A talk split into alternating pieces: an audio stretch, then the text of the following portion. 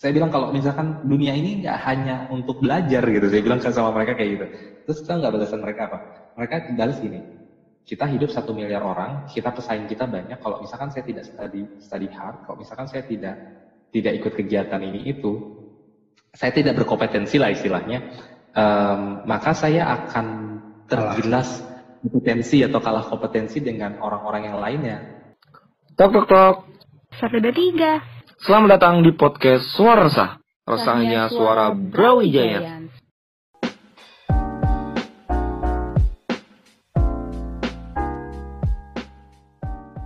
Assalamualaikum warahmatullahi wabarakatuh. Selamat pagi, selamat siang, dan selamat malam teman-teman semuanya. Wah, hari ini kami dari Kementerian Advokasi dan Kesejahteraan Mahasiswa MUB 2020 saya Rizky Kurniawan sebagai staf ahli MUB dan hari ini kita berkesempatan untuk kembali lagi di podcast bersuara, suara resah, resahnya suara Brawijaya. Nah, hari ini kita punya info menarik. Karena hari ini di podcast kita, di podcast suara resah, resahnya suara Brawijaya, kita bakal ditemani sama salah satu sosok atau salah satu seseorang yang inspiratif, seorang yang banyak dibicarakan oleh mahasiswa-mahasiswa karena hmm, beliau sudah bisa mampu untuk uh, mewujudkan banyak mimpi sebagai seorang mahasiswa yang pastinya untuk berkuliah di luar, luar negeri dan mendapatkan banyak achievement, banyak uh, sambutan hangat oleh seluruh bidang masyarakat. Langsung aja nih, ada Bang Fadlan Muzaki sebagai Ketua PPI Dunia saat ini. Halo Bang. Halo, Assalamualaikum warahmatullahi wabarakatuh. Selamat siang menjelang sore waktu Indonesia ya, atau selamat pagi, selamat malam bagi teman-teman yang ada di belahan dunia lainnya. Apa kabar? Alhamdulillah Bang, kita baik Bang. Abang sendiri gimana Bang? Alhamdulillah baik, um, walaupun lagi stay at home, tapi nyatanya nggak bisa benar-benar stay at home panggilan, panggilan hati. Jadi kayak mau aja kita ikut kegiatan di luar atau kegiatan-kegiatan volunteer atau pengurusan-pengurusan misalkan percepatan alat-alat kesehatan untuk COVID-19. Bang, ada cerita menarik nih. Jadi uh, ya saya sedikit kepoin, kepoin dari abang, kepoin dan ngeliat-ngeliat highlight abang. Jadi ada hal menarik yang bilang Bang Fadlan asli Betawi. Asli Betawi ya Bang Bang? Iya masih asli dan masih apa ya bisa dibilang. Biasanya kan kalau teman-teman kita bilang ke asli Betawi, asli Betawi itu terkadang udah ada campuran ya atau ya, mungkin Arab, besarnya gitu kan kadang kan Betawi itu memang ya. kecampur sama Arab. Nah, iya, atau mungkin besarnya di Jakarta atau lahirnya di Jakarta. Kalau saya ini kebetulan dari orang tua, ayah, ibu, kakek, nenek, uyut-uyut itu sampai ya sampai atas-atasnya itu belum ada campuran sama sekali. Tapi jadi cerita menarik sih Bang ketika bilang bahwasannya orang Betawi terus kita kuliah bang. Wah itu yeah. cenderungnya bakal suatu apa ya bang? Bisa dibilang bisa di akan ditanda kutipkan lah bang. Karena saya cenderung saya bang saya ini hidup di wilayah yang notabene mayoritas orang-orang Betawi. Karena saya asli dari kota Bekasi banyak banget sini. Masih orang-orang sini yang masih orang-orang Betawi asli gitu. Ketika saya tanya teman-teman saya orang asli Betawi uh, bro ayolah kita coba ikut SBM yuk ikut tes ini yuk kuliah di sini yuk. Eh mereka cenderungnya malah bilang ah udah dah gue gawe aja. Gue mengikutin babal gue aja udah. Ke mana be? Gitu. Kemarin gitu kan bang? Iya betul betul betul. Gue gawe aja ya, nyari, nyari duit gitu. Ngapain sih kuliah? Ya. gue aja dah. gitu. Betul betul. Kalau nggak seperti itu, biasanya yang sudah dari SMP, mereka sudah masuk uh, pesantren atau mungkin bahkan dari SD masuk pesantren, yeah. lulus um, sanawiyah atau lulus alia, mereka biasanya ya udahlah jadi ustadz aja, udahlah ke masjid aja dari masjid ke masjid aja. Iya, sebenarnya. Iya benar. Nah itu gimana tuh bang? Akhirnya kayak buat abang sebagai orang Betawi kan pasti punya keinginan buat akhirnya ngerubah nih bang yang namanya stigma. Oh orang Betawi itu ya udah umur sekian, umur udah selesai SMA 17, 18, udah pasti kerja dah. Pasti ngikutin babanya dah, pasti jagain kontrakan babanya gitu. istilahnya. Hmm, betul. Nah, tapi Iya. gimana akhirnya itu bisa berbalik seperti dengan kondisi abang saat ini. Abang udah bisa ikut S1, S2, dan sekarang lagi studi S3 bahkan di luar negeri. Hmm. Nah itu gimana? Oke, Oke, saya cerita sedikit agak panjang nggak apa-apa ya? Boleh bang, boleh Jadi- banget, menarik. Oke, jadi saya coba cerita pengalaman masa kecil saya. Em, di waktu saya kebetulan kelahiran tahun 90, terus em, mungkin teman-teman tahu ada kejadian tahun 98, tragedi tahun 98, eh, masa reformasi dan usia saya masih eh, usia 8 tahun. Em, tapi sebelum sebelum beranjak ke sana, saya mau coba cerita dulu. em, saya lahir di Tanah Abang. Orang tua saya, ibu saya Cipete, eh, bapak saya, ayah saya Tanah Abang. Nah, kalau misalkan teman-teman tahu Tamrin City, tahu Tamrin City ya di mana? Oh. Itu dulu, ya, itu dulu, itu dulu rumah saya tuh Tamrin City digusur, sekampung digusur dijadiin Tamrin City sekarang. Iya, jadi tahun 90, 92, umur saya 1 sampai 2 tahun itu saya tinggal di sana, lalu 92 digusur, terpaksa jadi saya harus berpindah-pindah tempat. Nah, kebetulan karena memang ada rumah eh, nenek waktu itu di Blok A di Cipete Utara, akhirnya saya tinggal di sana. Di umur 8 tahun ketika ru- kerusuhan ada, jadi kebetulan nenek namanya orang Betawi kan biasanya hobinya ngontrakin ya. Betul Terakhir. betul. Itu ke ke orang lokal maupun ke orang Cina. Nah, jadi kebetulan ada orang Cina, Chin- Chinese Indonesian, dan itu dikontrakin ke sana. Tahun 98 rusuh kan, um, anti Chinese sentiment itu oh, benar-benar menggelora, semua dijarah-jarahin. Nah, kebetulan ada salah satu kontrakan nenek saya, saya juga tinggal di, di barisan itu, dan di suspek kita, keluarga kita adalah pendukung Chinese waktu itu. Hmm, karena Oh, jadi kita menerima gitu ya bang. Menerima, ya menerima uh, orang Orang Chinese Cina Indonesian kontrak. tinggal di situ, iya. dan keadaan 98 itu chaos banget kan eh, apa namanya rusuh di mana-mana penjarahan di mana-mana sehingga rumah tersebut dibakar. Wah, dibakar oleh orang-orang nggak bertanggung jawab padahal em, kita juga orang pribumi kan pada pada pada pada pada dasarnya kan. Cuman karena memang ditinggalin sama orang Chinese waktu itu sehingga kita dianggap pendukung Chinese. Rumah dibakar alhasil em, porak-poranda dijarah segala macam. Alhasil saya dan keluarga pindah ke Depok. Keluarga saya dan keluarga pindah ke Depok ya pindah ke Depok dan pada saat itu orang tua saya adalah guru gitu Em, di mana pada saat itu tahun 98 eh, sampai seterusnya bahkan em, profesi seorang guru pada saat itu sangat eh, mengenaskan lah istilahnya. Hmm, jangankan untuk eh, beli beli sesuatu ya untuk kebutuhan primer saja waktu itu sangat pas-pasan. Oke, saya akhirnya SD, SMP di Depok waktu itu em, mulailah saya berpikir bahwasanya saya ini orang Betawi tapi saya tinggalnya di pinggiran, em, sekarang tinggal di Depok. Kalau misalkan nggak ada perubahan mungkin lama-lama saya bisa tinggal di Bogor. Setelah itu tinggal di mungkin akan tersingkir dari dari Jakarta, dari Tanah Abang, terus ke Jakarta Selatan, ke pinggiran, terus ke Depok. Depok masih Betawi, mungkin masih masih bisa terima culture-nya. Terus mungkin lama-lama makin ke Parung, Parung ke Bogor. Saya berpikir dulu seperti itu. Namun belum ada kepikiran kayak saya harus kuliah tinggi apa segala macam. Dulu em, justru malah saya em, hidup saya eh, SMA waktu itu masuk SMA hidup saya justru malah oke mungkin habis SMA ini kerja lah gitu karena em, atau mungkin bantuin orang tua terus mungkin atau eh, ngurusin petakan gitulah mindsetnya orang Betawi kan. Ngurusin petakan. Terus eh, di SMA juga dulu waktu itu kan disuruh em, digencarin kan untuk belajar ngaji belajar tilawah segala macam. Sampai-sampai saat itu saya berpikir oh ya mungkin habis ini mungkin saya bisa jadi guru ngaji. Oh ya bahkan sebelum saat itu pun saya sudah jadi guru ngaji dari SMP gitu. Karena di rumah itu eh, ibu saya mengajar anak-anak untuk mengaji dan biasanya kalau misalkan lagi kebanyakan itu biasanya 50 atau mungkin sampai 80 orang Eh, saya diban- dis- diminta ngebantuin ngajar ngaji yang masih Quran atau juz amma waktu itu di masa SMP Jadi mindset saya waktu itu, oh ya udah jadi guru ngaji aja mungkin di sini karena enak. Cuman sore kan, sore-sore jam 3, jam Ya. 5 udah selesai. Ini, um, Baik nungguin maghrib Ah. nih bang.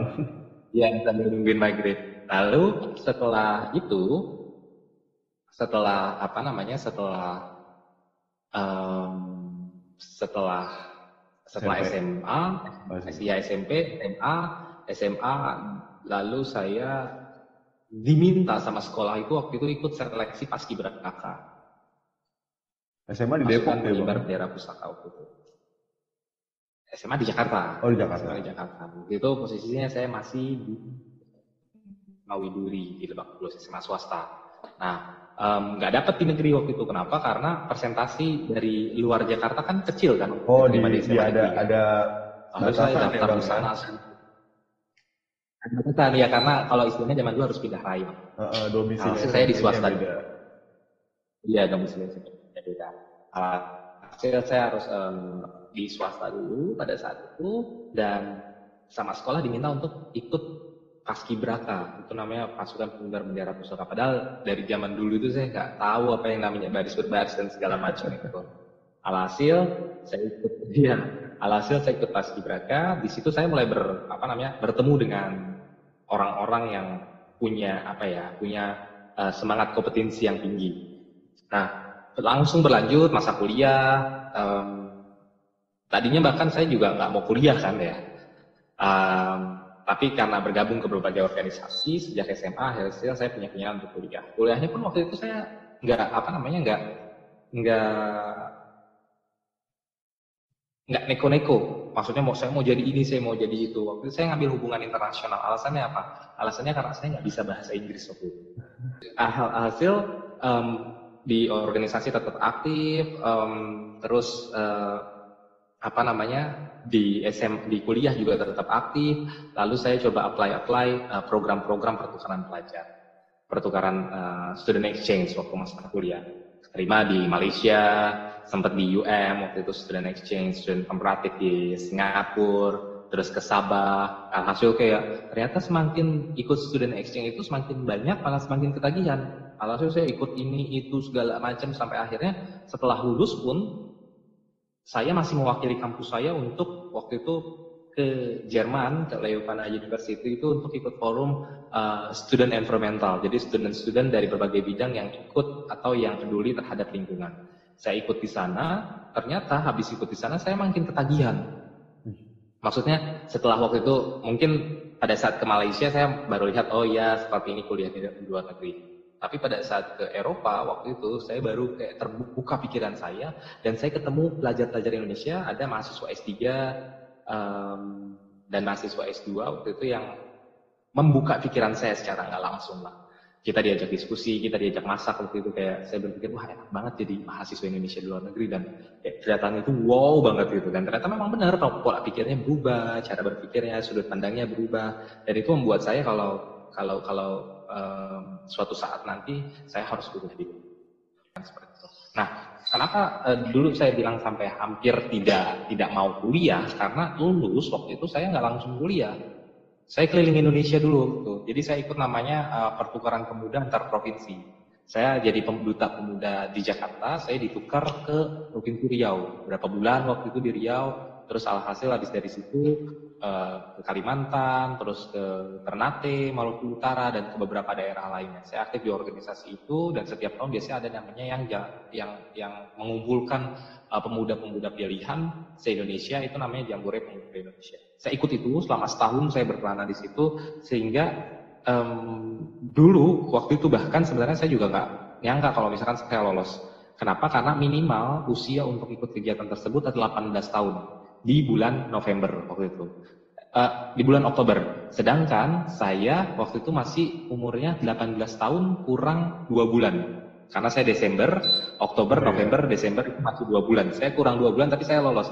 Dan di sana itu saya bertemu dengan orang-orang yang bahkan sudah ada yang lulus S, S1. Loh, Alhasil dari malah lebih besar-besar ya bang orang-orangnya. Iya, justru lebih besar karena memang minimal minimal usianya itu adalah 18 tahun. Gitu. Jadi mereka-mereka yang biasanya sarjana-sarjana penggerak yang ditukar untuk pedesaan-pedesaan saya saya bergaul dengan mereka dan saya em, terbuka pikirannya. Kalau misalkan saya ternyata harus S1, saya harus kuliah, saya harus melanjutkan kuliah, saya nggak bisa hidup seperti ini saja. Dan itu juga didorong oleh organisasi-organisasi yang saya ikuti sebelumnya. Um, seperti di Paskibraka itu, uh, teman-teman di Paskibraka itu um, saya dapat katakan mungkin 50% ke atas adalah orang-orang yang um, well educated gitu, berasal dari well educated family dan uh, mereka itu didorong bahkan bukan cuma untuk kuliah S1 tapi bukan uh, S2, S3 dan setinggi setinggi tingginya.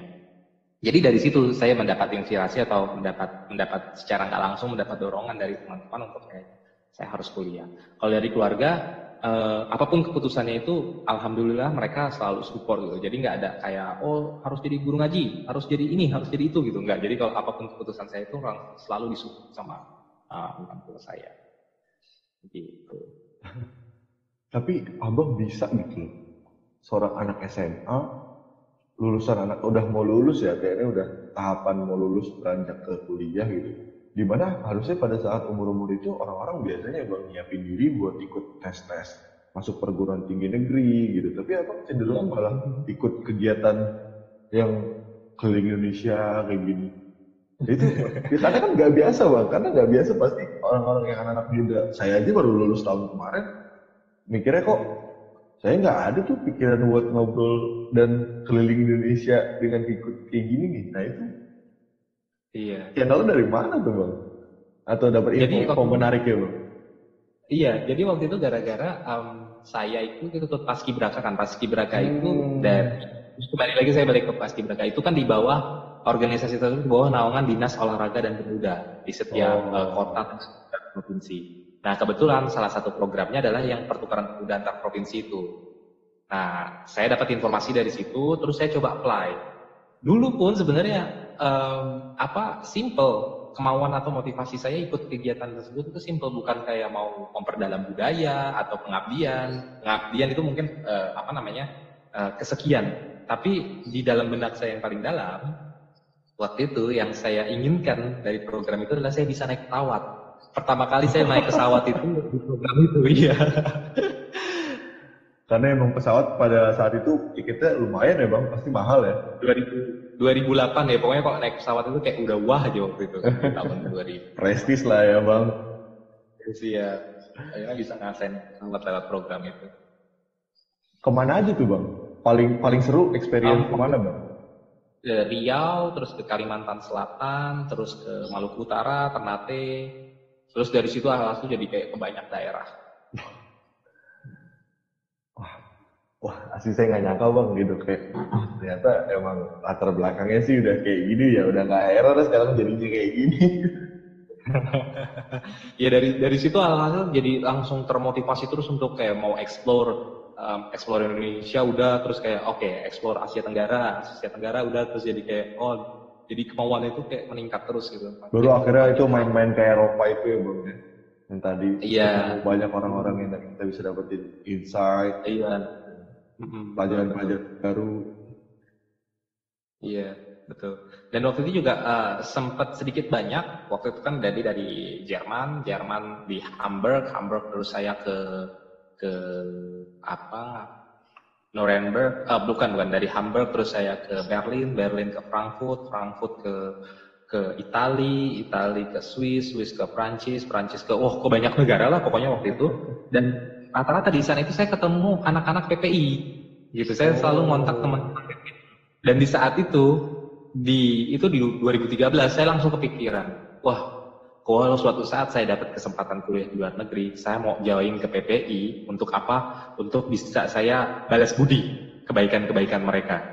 Gitu. Jadi suatu saat kalau misalkan ada mahasiswa Indonesia mau pergi ke tempat saya studi, dulu saya mikirnya gitu, saya pasti akan kayak kasih tumpangan, saya akan kasih tahu gimana caranya begini, begitu dan segala macam saya akan kasih tahu. Nah itu, nah itu juga tuh bang. Kadang kan kita sebagai seorang mahasiswa yang tinggal di Indonesia ya bang, yang berkuliah di Indonesia, kita tuh nggak tahu gitu. Kita tuh nggak tahu, nggak ngerti atau nggak bisa apa kebayang lah situasinya kayak apa untuk kuliah di luar negeri. Nah ternyata memang di sana itu sudah ada perhimpunannya sendiri ya bang atau orang-orang yang orang Indonesia kuliah di sana dan mereka bikin seperti komunitas gitu yang tadi namanya Betul. PPI itu ya bang. Betul ya. Nah. Hmm. Boleh kali bang dijelasin PPI ini ngapain sih bang gitu? Oke, em, sebenarnya kalau misalkan mau dijelaskan, Panjang ya, PPI Pak. ini kan orang pelajar ya, iya. Dan ini bisa di, kalau misalkan dilihat dari sejarahnya itu dari zamannya Bung Hatta jadi ketua PP Perhimpunan Indonesia pun itu kita bisa kaitkan, atau mungkin dari zaman Ki Hajar Dewantara eh, kuliah di Belanda.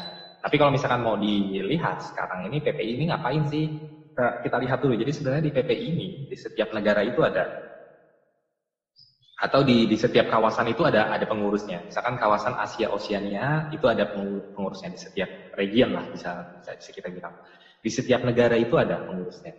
Di bawah negara itu biasanya di setiap provinsi mereka ada pengurusnya juga.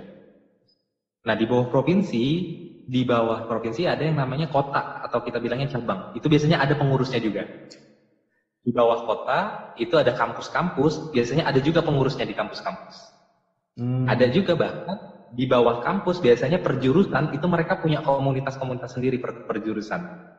Kalau yang seperti di mungkin di Tiongkok atau mungkin di negara-negara yang eh, banyak mahasiswa Indonesia, Mesir, terus eh, Australia juga mungkin mereka ada komunitas-komunitas yang perjurusan. Nah, ngapain aja?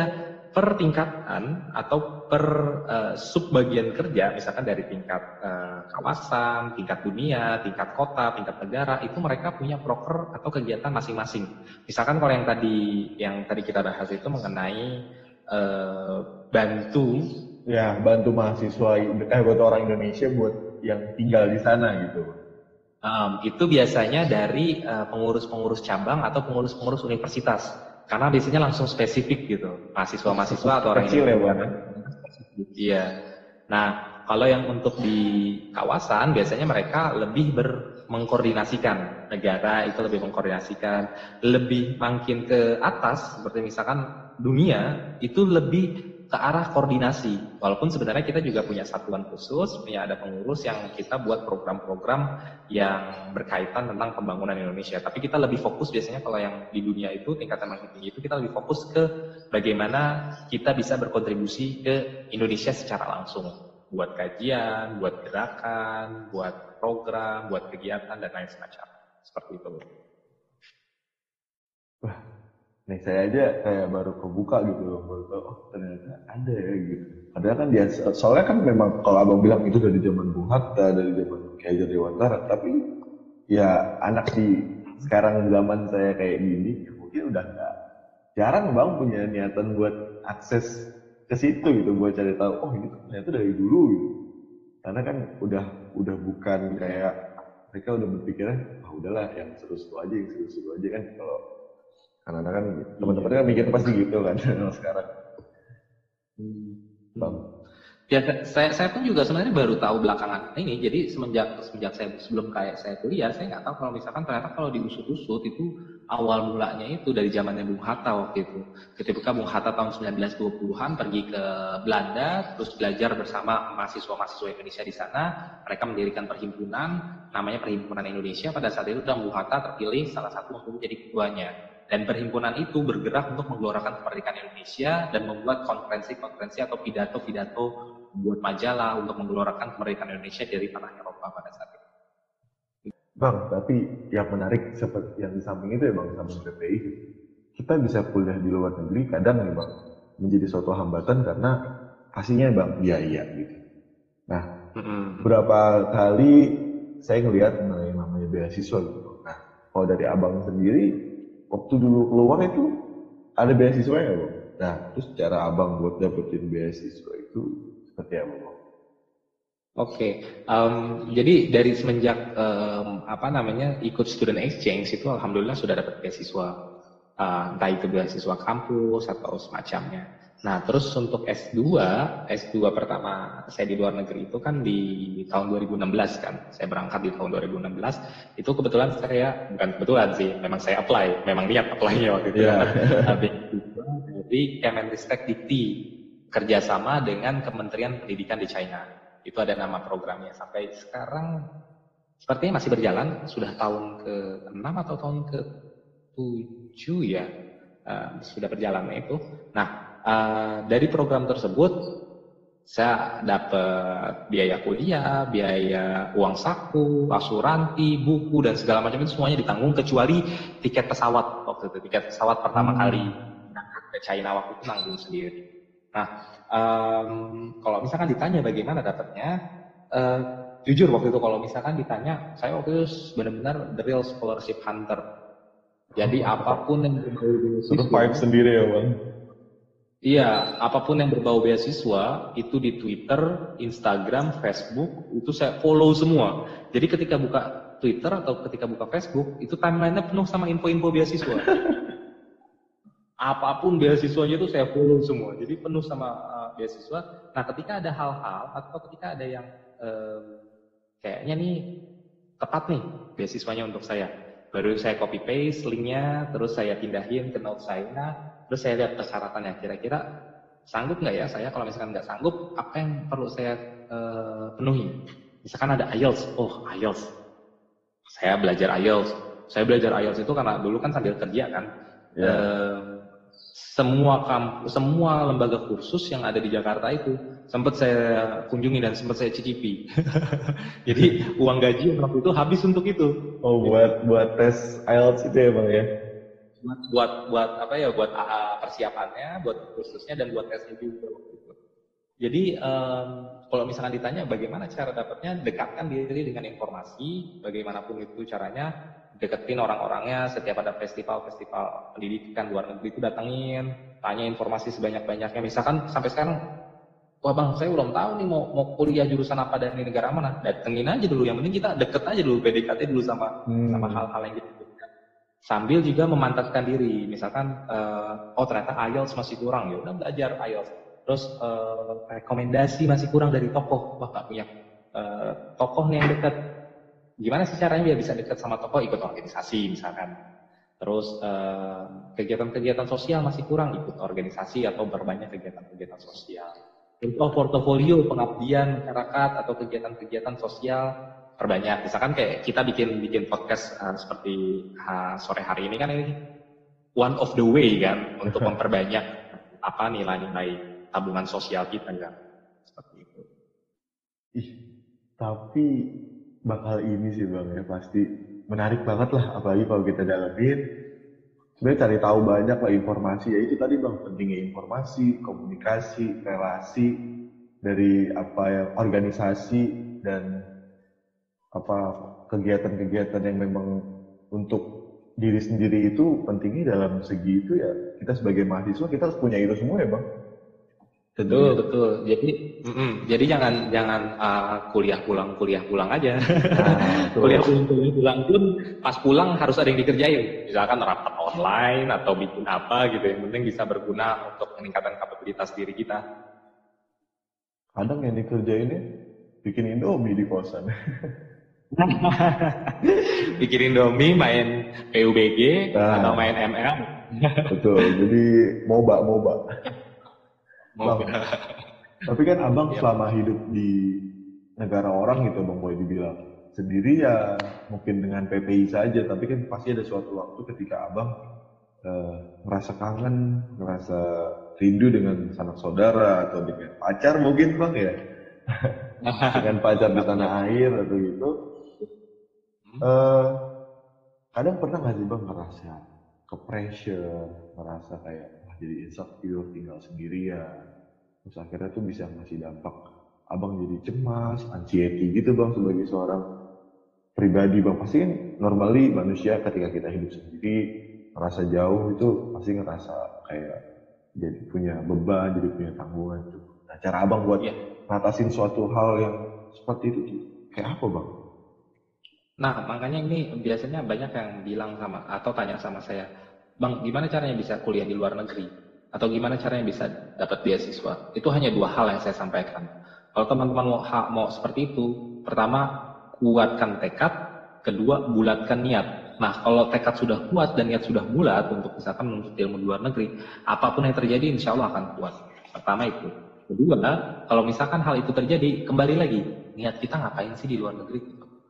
Dan berpikir atau beranggapan bahwasanya, ah ini hanya sebentar ini adalah langkah dari perjuangan kita gitu. Sehingga saya berpikir kalau misalkan lagi kangen, wah kalau misalkan kangen atau homesick itu pasti pasti semua orang rasain dan pasti itu akan terjadi cepat atau lambat ya. Apalagi culture shock dan segala macam itu pasti akan terjadi dan uh, di sini bukan nakutin.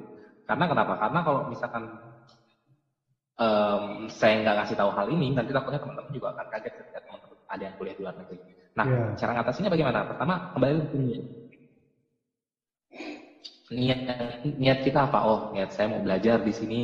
Dan ini misalkan cuma setahun atau dua tahun atau mungkin paling lama tiga tahun. Setelah ini akan saya akan kembali eh, ke dalam negeri. Itu pertama. Kedua, biasanya cara mengatasinya bagaimana? Cara mengatasinya adalah bertemu dengan teman-teman. Biasanya ada satu waktu yang kita benar-benar kayak gila kangen banget ngomong bahasa Indonesia gitu.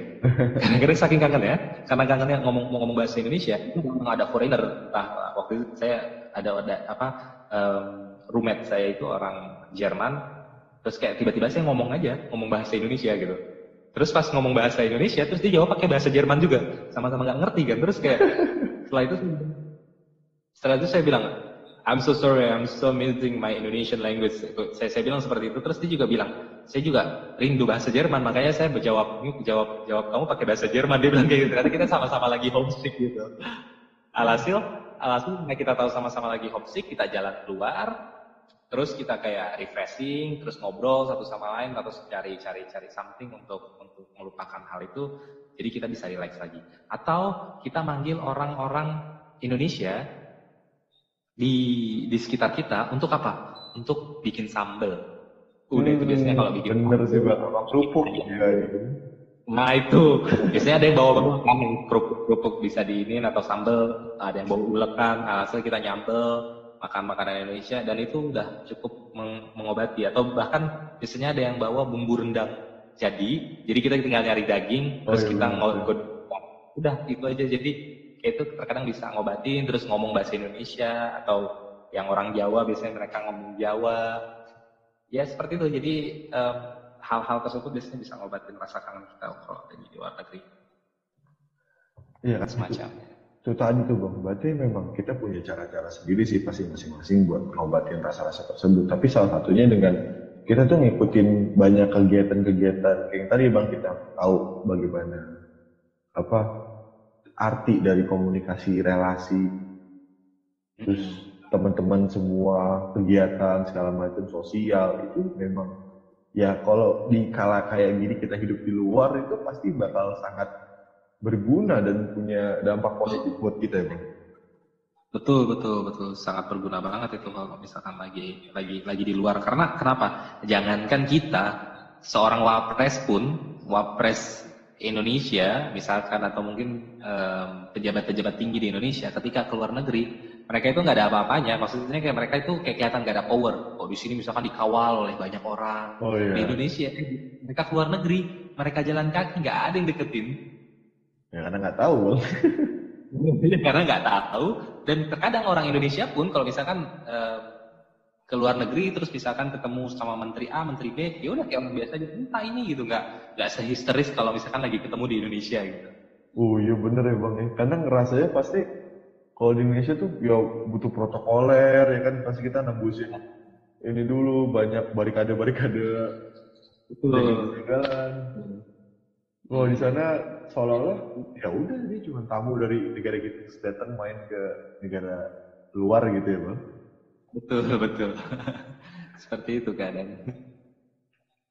Tapi bang, eh, jadi suatu suntikan lagi nggak sih bang sebenarnya seorang mahasiswa itu kadang masih ngerasa bahwasannya, aduh saya udah belajar banyak, udah belajar empat tahun, sekian tahun, nah, tapi saya tuh nggak ngerasa punya skill apa-apa gitu. Ya termasuk dengan mahasiswa yang masih hari ini, tapi dengan hari ini tidak banyak mempedulikan dengan kegiatan di kampus gitu Pak.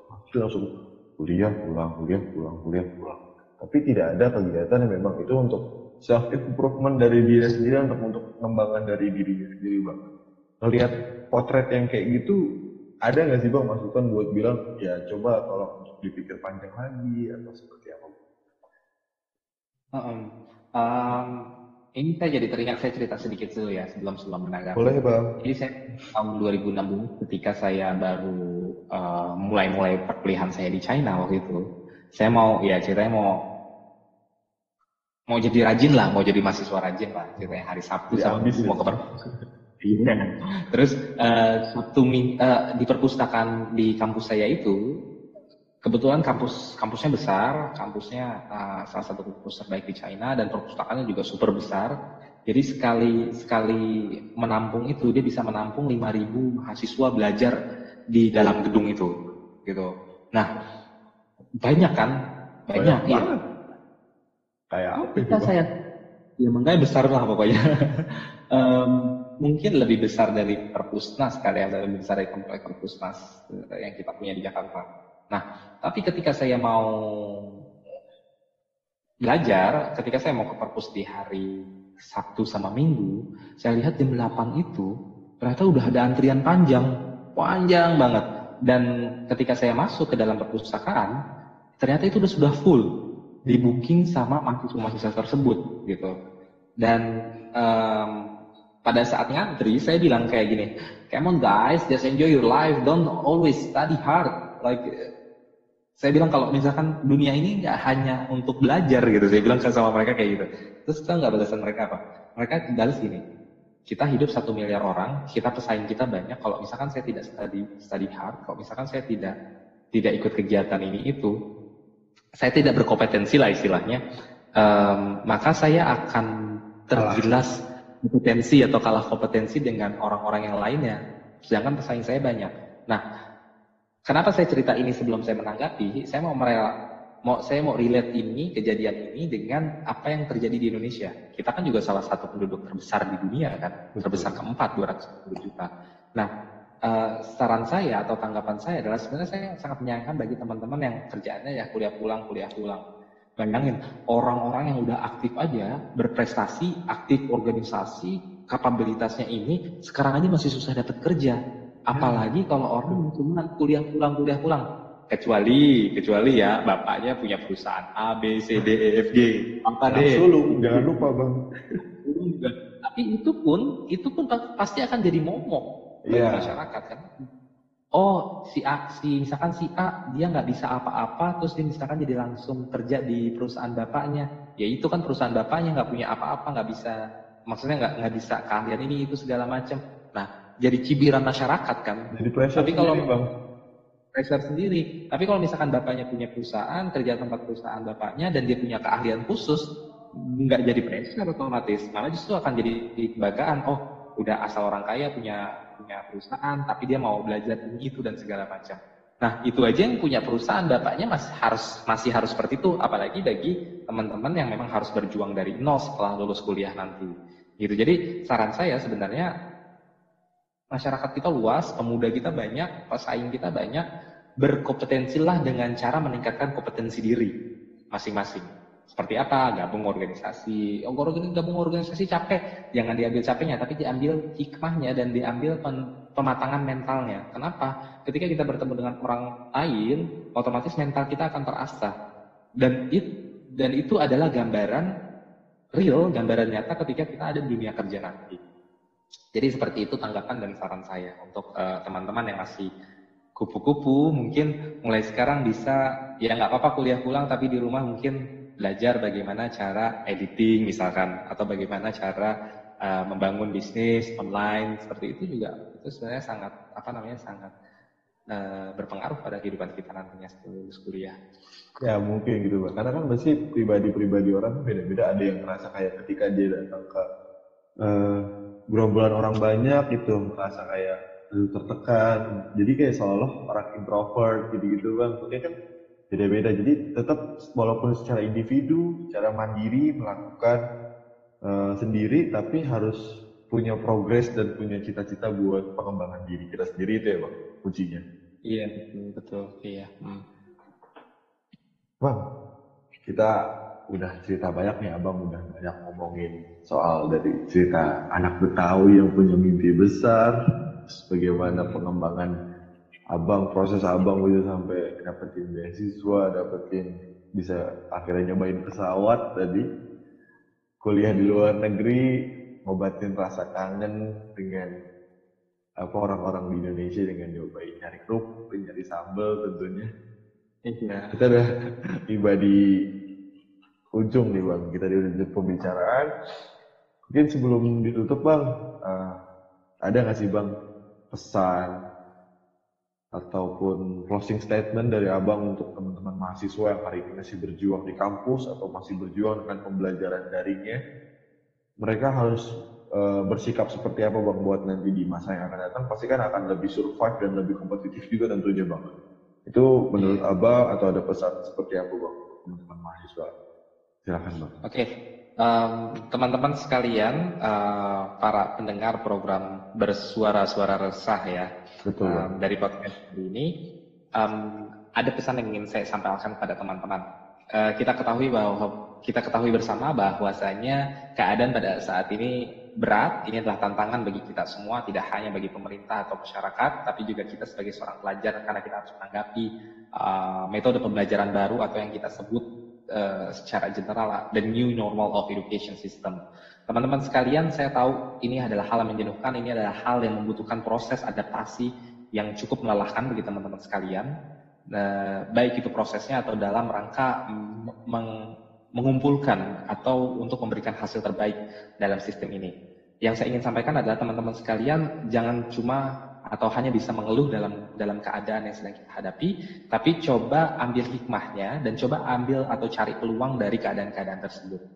Saya percaya bagi teman-teman yang bisa ambil hikmah dan coba uh, cari peluang dari keadaan-keadaan tersebut akan mendapatkan sebuah keuntungan dan sebuah kesempatan yang mungkin nantinya bisa berguna atau bermanfaat bagi teman-teman ke depannya dan ini mungkin juga bisa berguna tidak hanya bagi teman-teman sekalian tapi juga bisa bermanfaat bagi uh, lingkungan sekitar teman-teman sekalian. Kenapa saya bilang seperti ini? Sebagai contoh, mungkin bagi teman-teman yang um, sekarang sedang menjalani kuliah online, misalkan jurusan IT, mungkin juga bisa melihat peluang, oh kalau misalkan um, sambil ngajar kursus online, kursus misalkan cara buat atau desain uh, WordPress menjadi uh, website pribadi. Itu merupakan sebuah peluang bagi teman-teman sekalian yang bisa teman-teman manfaatkan di masa pandemi seperti sekarang ini. Sehingga teman-teman bisa mendapatkan keuntungan atau mendapatkan kesempatan-kesempatan lebih ke depannya. Saya rasa demikian, semoga tetap teman-teman bisa tetap semangat terus menjalani kuliah daring ini, tetap berinovasi, tetap kritis terhadap sebuah keadaan, tet- jangan lupa mencari atau mengambil hikmah dari setiap keadaan, tetap semangat dan saya harap juga tetap sehat selalu sampai eh, kita bisa bersama-sama melewati wabah COVID-19 secara eh, bersama-sama eh, ke depannya. Saya rasa demikian, terima kasih sekali lagi eh, dari teman-teman bersuara suara resah. Sama-sama. Eh, terima kasih atas eh, terima kasih terima kasih atas halo Halo ya, bang. terima Ya. kasih atas undangannya. Assalamualaikum warahmatullahi wabarakatuh. Waalaikumsalam warahmatullahi wabarakatuh. Ya bang, itu tadi bang dari abang dan ini sekarang dari kita ya bang ya. Kita juga udah makasih banget buat abang pasti udah nyempetin waktunya di kala kesibukan abang. Tadi udah habis dari bandara juga. Terima kasih bang udah nyempetin waktunya karena mungkin Sama-sama. keterbatasan juga dari kita menggunakan medianya bang. Mohon maaf sekali lagi bang. Tapi semoga yang penting Nggak apa-apa, ini ilmu inovatif kok pakai pakai platform ini udah inovatif kok. ilmu yang abang sampaikan atau pesan yang abang sampaikan akan bisa berdampak atau sampai ke teman-teman mahasiswa semuanya tentunya ya bang ya. Saya lagi saya ucapkan terima kasih bang, semoga puasanya lancar-lancar semuanya bang. Mohon maaf lahir batin sekali lagi. Terima kasih. Oke mungkin itu teman-teman semuanya dari podcast Suara Resah, Resahnya Suara Brawijaya. Terima kasih untuk Bang Fadlan Muzaki sekali lagi. Oke, sampai jumpa di lain waktu dari dengan podcast Suara Resah, Resahnya Suara Brawijaya. Terima kasih. Bila topik Polidaya. Assalamualaikum warahmatullahi wabarakatuh dan see you bye bye.